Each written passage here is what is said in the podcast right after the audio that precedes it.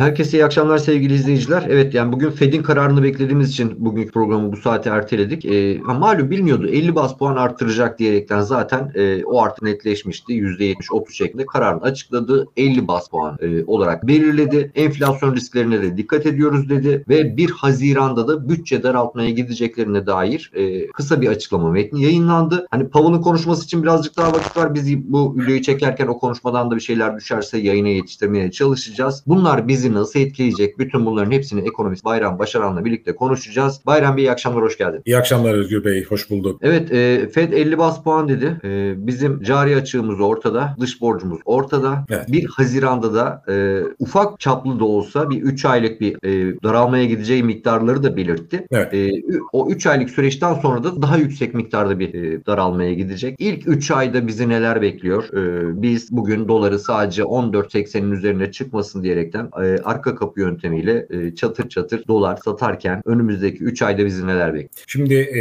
Özgür Bey, Powell'ın konuşması çok önemli. Onun öncesine şöyle bir baktığımız zaman bu kararlar, e, şu anki kararlar çok yeterli değil. Ama şimdi Powell konuşmasında ne diyecek? Bunlar yazılı açıklama. Konuşmasında ne diyecek? İşte 30 milyar, e, yani aylık ortalama 47,5 milyar dolar piyasadan para çekeceğim diyor. 3 ayda çekeceği para yaklaşık 130-135 milyar dolar. Bu Amerikan piyasaları için düşük bir para, küçük para. Neden düşük para? Çünkü bilanço 9.7 trilyon dolar. Dolayısıyla 35 milyar dolar bunun için hiçbir şey değil. Tamam. Yani planlanan miktar daha önce 95 milyar dolardı. Şimdi 95 milyar dolar aşıyor. Evet ama piyasaların beklentilerinin yine altında. Çünkü bu cevap vermeyecek. Niye cevap vermeyecek? Şunu söyleyeyim. Powell'un bunun yapmasındaki sebep nedir? Önce maliyet enflasyonu sonra da talep enflasyonunun önünü kesmek. Maliyet enflasyonunu bunlar keser mi göreceğiz. Bence kesmeyecek. Bir, ama açıklamalar önemli. Açıklamadan sonra iş tersine dönebilir. Yani ya e, baktık ama şimdi önümüzdeki iki ay var. O iki aylık dönemde enflasyon bilmem nereye gelirse biz bunları artırırız da diyebilir. Bu açıklamalar çok önemli. Ne diyeceğini bilmiyoruz. Dolayısıyla bu artış artı piyasadan çekeceği para doların dünyadaki doların yavaş yavaş Amerika'ya doğru döneceğini gösteriyor. Yani 50 bas puanlık faiz artışı artı piyasadan çekeceği para doların yavaş yavaş Amerika'ya doğru döneceğini gösteriyor. Bu Evet. ne? Ee, zaten Rusya'nın ödemelerine müsaade ettiler. Rusya işte temerrüte düşecek Cuma günü. Düşmedi. Çünkü Amerika dolarla Avrupa Birliği ülkelerine ödeme yapmalar izin verdi. O da döndü. Tahvil bedellerini onun üzerinden karşılamış oldu. Temerrüte düşmedi. Şimdi bütün bunları topladığı zaman Türkiye'de bu Amerika'daki bu parasal sıkılaşma diyoruz buna. E, bu parasal sıkılaşma Türkiye'yi çok ciddi anlamda etkiler. Niye? Nasıl etkiler? İki şekilde etkiler. Bir, piyasadaki işlemler, forex piyasalarındaki işlemler e, üzerinden etkiler. Dolara yukarı doğru basınç yapacaktır şimdi. Diğer taraftan Türkiye'ye girecek dövizi etkiler. Türkiye'de şu an e, Amerikan piyasalarına veya dünya piyasalarına tahville hisse senetlerine gelen talebi etkiler. Yani sıcak para gelmek çok zorlanır, gelmez. En az eskiden bir kere düşünüyorsa şimdi beş kere düşünecektir. E, doğrudan ve doğrudan veya dolaylı yabancı sermaye gelmesini engeller. Çünkü cari açıkta bunun çok önemli payı var. Diğer taraftan e, turizmini etkiler. Bir diğer taraftan da dolar, dolar pahalandığı için biz dışarıda ajantalar şimdi bizden daha ucuza e, turizm oda, odalar isteyecektir. Dolayısıyla turizm gelirini etkileyecek. Daha da önemlisi en önemlisini en sona sakladım. Dış borçlanma etkisi. Bu çok önemli. Nasıl dış borçlanma etkiler? Bir, dünyada e, şu an dolar e, piyasadan azalacağı için azalan malın fiyatı yükseleceği için doların faizi çıkacak. Amerikan tahvilleri %3'leri buldu. E, şimdi önümüzdeki dönemde sıkılaşmayla beraber biraz daha artacağını ben tahmin ediyorum. Çünkü Amerikan borsaları bile hatırlıyorsun Cuma günü e, parasal sıkılaşmanın daha fazla olacağını tahmin ederek e, %8.9 ile %16'ında 16 arasında düşüş göstermiş. Demek ki bunu dikkate alarak parasal e, faiz artırmayı artırımı yaptılar ama parasal sıkılaşmayı biraz daha az tutmuşlar. Çünkü piyasa daha yüksek bekliyordu Amerikan piyasası. Bu da bizim dışarıdan dış borçlanma faizlerimizi çok ciddi anlamda etki, yani inanılmaz şekilde etkileyecek. Bir de e, dolar endeksi ve enflasyona endeksi tahviller çıkardığınız zaman e, bunlar hazineyi mahveder. Hazine ödemeler e, dengesine mahveder. Bütün bunlar Türkiye'yi önümüzdeki dönem ekonomik olarak çok zor duruma düşürecek. Maalesef bizimkiler halen yayının başında sizin de söylediğiniz gibi e, arka kapıdan dolar satmaya devam ediyor. Bu yanlış politika olduğunu, yanlış strateji olduğunu baştan beri söylüyoruz. Yani dolar sen basmadığın için fiyatını sen belirlemezsin. Ancak sen kendi fi- paranın fiyatıyla oynarsan o zaman e, doları frenleyebilirsin. Kendi elindeki silahları kullanman lazım. Şimdi biz ne yapıyoruz? Kendi elimizde silahları kullanmıyoruz. Amerikan doları satarak doları tutmaya çalışıyoruz. Tutamazsınız. Böyle bir şey mümkün değil. Yani sünni olarak, sünni olarak piyasada müdahalenin bir anlamı yok. Bunun yerine Türkiye çünkü dünyada emtia fiyatları çok çok artacağı için ki bugün çok olumsuz maalesef bir haber geldi. Hindistan'da inanılmaz bir kurak yaşanıyor. Bu kurakta 25 kişi vefat etmiş. Hindistan'daki tahıl ürünlerinin e,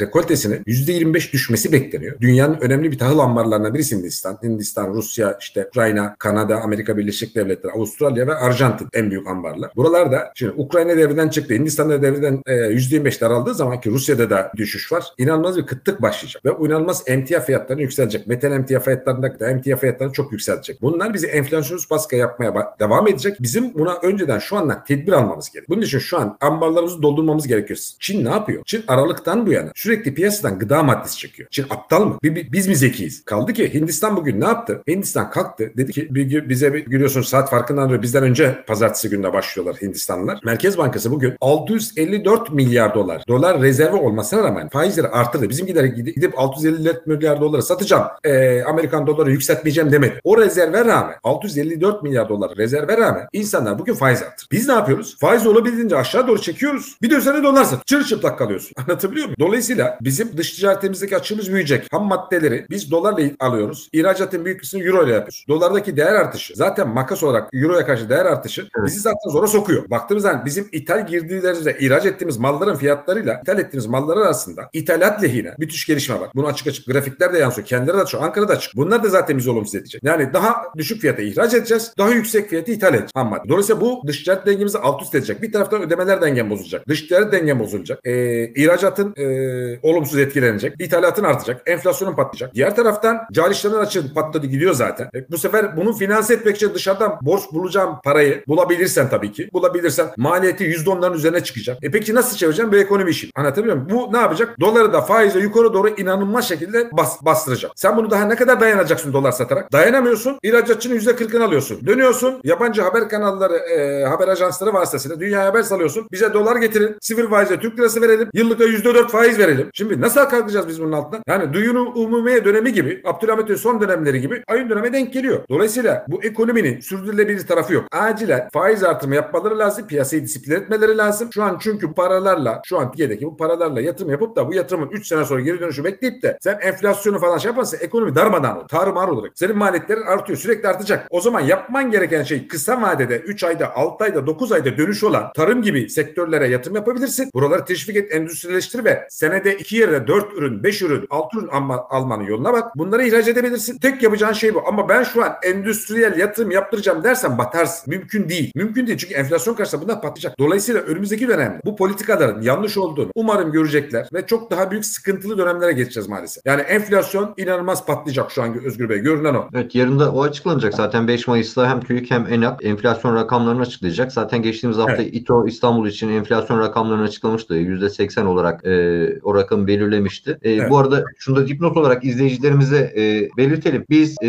yurt dışına mal alırken dolarla alıyoruz. Yurt dışına ürettiğimiz bir şeyi satarken euro ile satıyoruz ve hani hep söylüyoruz dolar küresel olarak dünyadaki bütün para birimlerine karşı değer, değer kazandı. Değer kazandı. Bunu zaten Buradan, dolar endeksine görebilirler herkes. Yurt dışına ürün satan imalatçılarımızın ne kadar zarar edeceğini hesap edebilirler. Onlardan bize ne diyenler olabilir. Onlardan bize ne diyenler için de şunu da söyleyelim. Onlar zarar ettikçe bu iç piyasaya yansıyacak. İç piyasaya yansıyan her şey bizim cebimize yansıyacak demektir. O e, girdiğiniz uygulamalarda, aplikasyonlarda doların değerini 14.78, 14.80, 14.69 olarak görmeniz hiçbir şey değiştirmeyecek. Kesinlikle. Şimdi e, açıklamalar düşmeye başladı. Bavul evet ben de arada bir sayfayı yeniliyorum. Yılların en bakmasın başka bir ekrana bakarken e, onlarla e, başka bir şeyle ilgilendiğimi düşünmesinler. E, evet. Powell'ın açıklamasıyla alakalı düşen herhangi bir şey var mı diye e, onu kontrol etmeye çalışıyorum Şimdi bir bana, anda. Bana geliyor bir taraftan e, Powell'ın açıklamaları tedarik zincirleri konusunda çok ciddi sıkıntılar var. Enflasyonist baskı devam ediyor. Biz de buna karşı şahin olacağız da daha e, sert tedbirler alacağız gerekirse diye açıklamaları var. Bu e,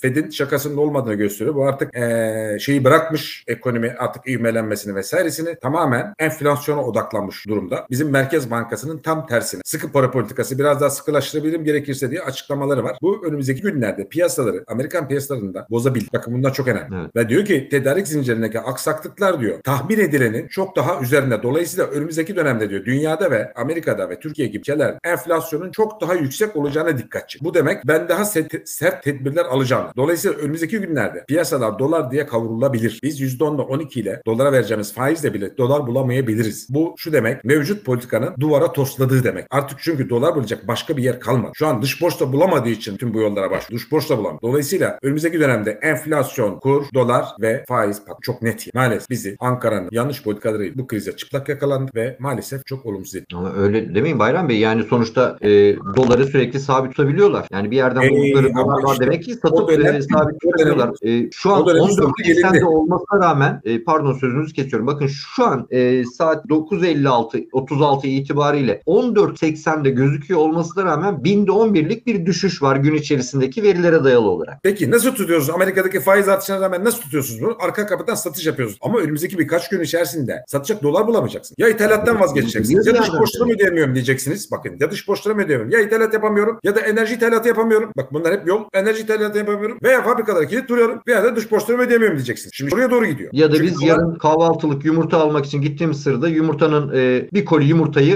e, 40 küsür liraya değil de 50 küsür liraya almaya başlayacağız. Evet 50 küsür liraya almaya başlayacaksın ama o yumurtanın üretilmesi için ithal ettiğin yemi de bulamayacaksın. E zaten Hem- e, hem.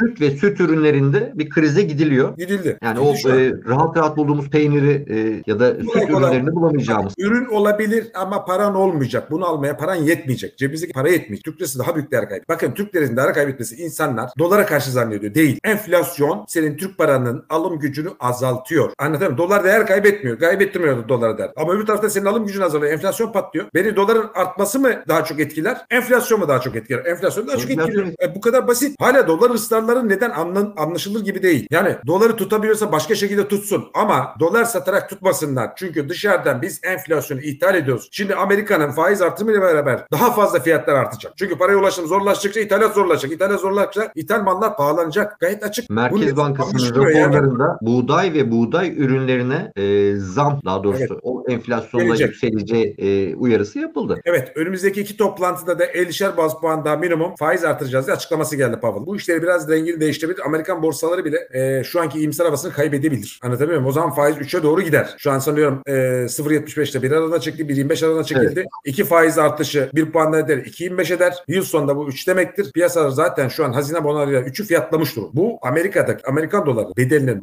fiyatının daha da artacağını gösteriyor. Dolayısıyla senin ithalatın daha da fazla şey yapacak, pahalanacak. Çok açık. Dolayısıyla önümüzdeki dönemde maalesef doları tutmakta çok büyük zorluk yaşayacaklar. Çok büyük. Şu an inanılmaz zorluk yaşıyorlar. Ankara'da geçen gün demiştik dolar paniği var diye. Şimdi daha da zorlanacaklar. Panik de öte geçecek. Belki, e, belki daha sert tedbirler alabilirler. Umarım bu mevcut uyguladıkları politikaların yanlışına varırlar. Ama şu kesin ki bizi çok olumsuz edecek. Kesinlikle. İmalatımızı e, etkileyecek, gıdamızı da etkileyecek, ulaşımımızı da etkileyecek, petrolü de etkileyecek. Maalesef etkileyecek. O zaman şu cümleyle kapatalım. Biz e, yanlış hatırlamıyorsam Ocak ayının ilk haftalarında çekmiş olduğumuz videolarda Nisan ve Mayıs ayına dikkat çekmiştik. Evet. İzleyicilerimiz yani şunu bekliyor. O, o videolarda o başlıkları gördükleri sırada diyorlar ki yani Nisan'da dolar şöyle olacak, 30 olacak, 40 olacak, 50 olacak. Arkadaşlar bu değil. Nisan ve Mayıs ayı bu sürekli olarak komşunuzdan borç alarak evinizi geçindirmeye çalıştığınızı düşünün. Şu an yaptığımız şey bu. Biz Evet. hani bu parayı nereden bularak satıyoruz bilmiyoruz ama arka kapıdan satılıyor. Her haftada Merkez Bankası raporlarını yayınlıyor. Elindeki döviz rezervlerini oradan görüyoruz. Ne kadar azaldığını görüyoruz. Sürekli azalarak diyor. Bu artık komşumuzun kapımızı çaldığımız zaman kardeşim artık benim kapımı çalma döneminin başladığı anlamına gelen bir döneme giriyoruz ne yazık. Bak Amerika Birleşik Devletleri gibi kocaman bir ekonomi stagflasyona girme tehlikesini göze alarak sıkı para politikası işte. Çok önemli olur. Stagflasyon Kimin iflas edeceğini umursamıyorum dedi. Yani enflasyonu yükseltmeyeceğim dedi. Evet. Doğru mu yorumladım? daha fazla yükseltmeyeceğim. Yıllık yüzdeki de tutmam lazım. Tamam çok açık adam hedefini koymuş. Tahmin yapmıyor bak. Hedef koy. Biz hedef yapmıyoruz. Merkez Bankası tahminde bulunuyor. Tabii tahminde tutmuyor. Hani bırak hedefi tahminle tut. Hani hedefte şaşarsın. E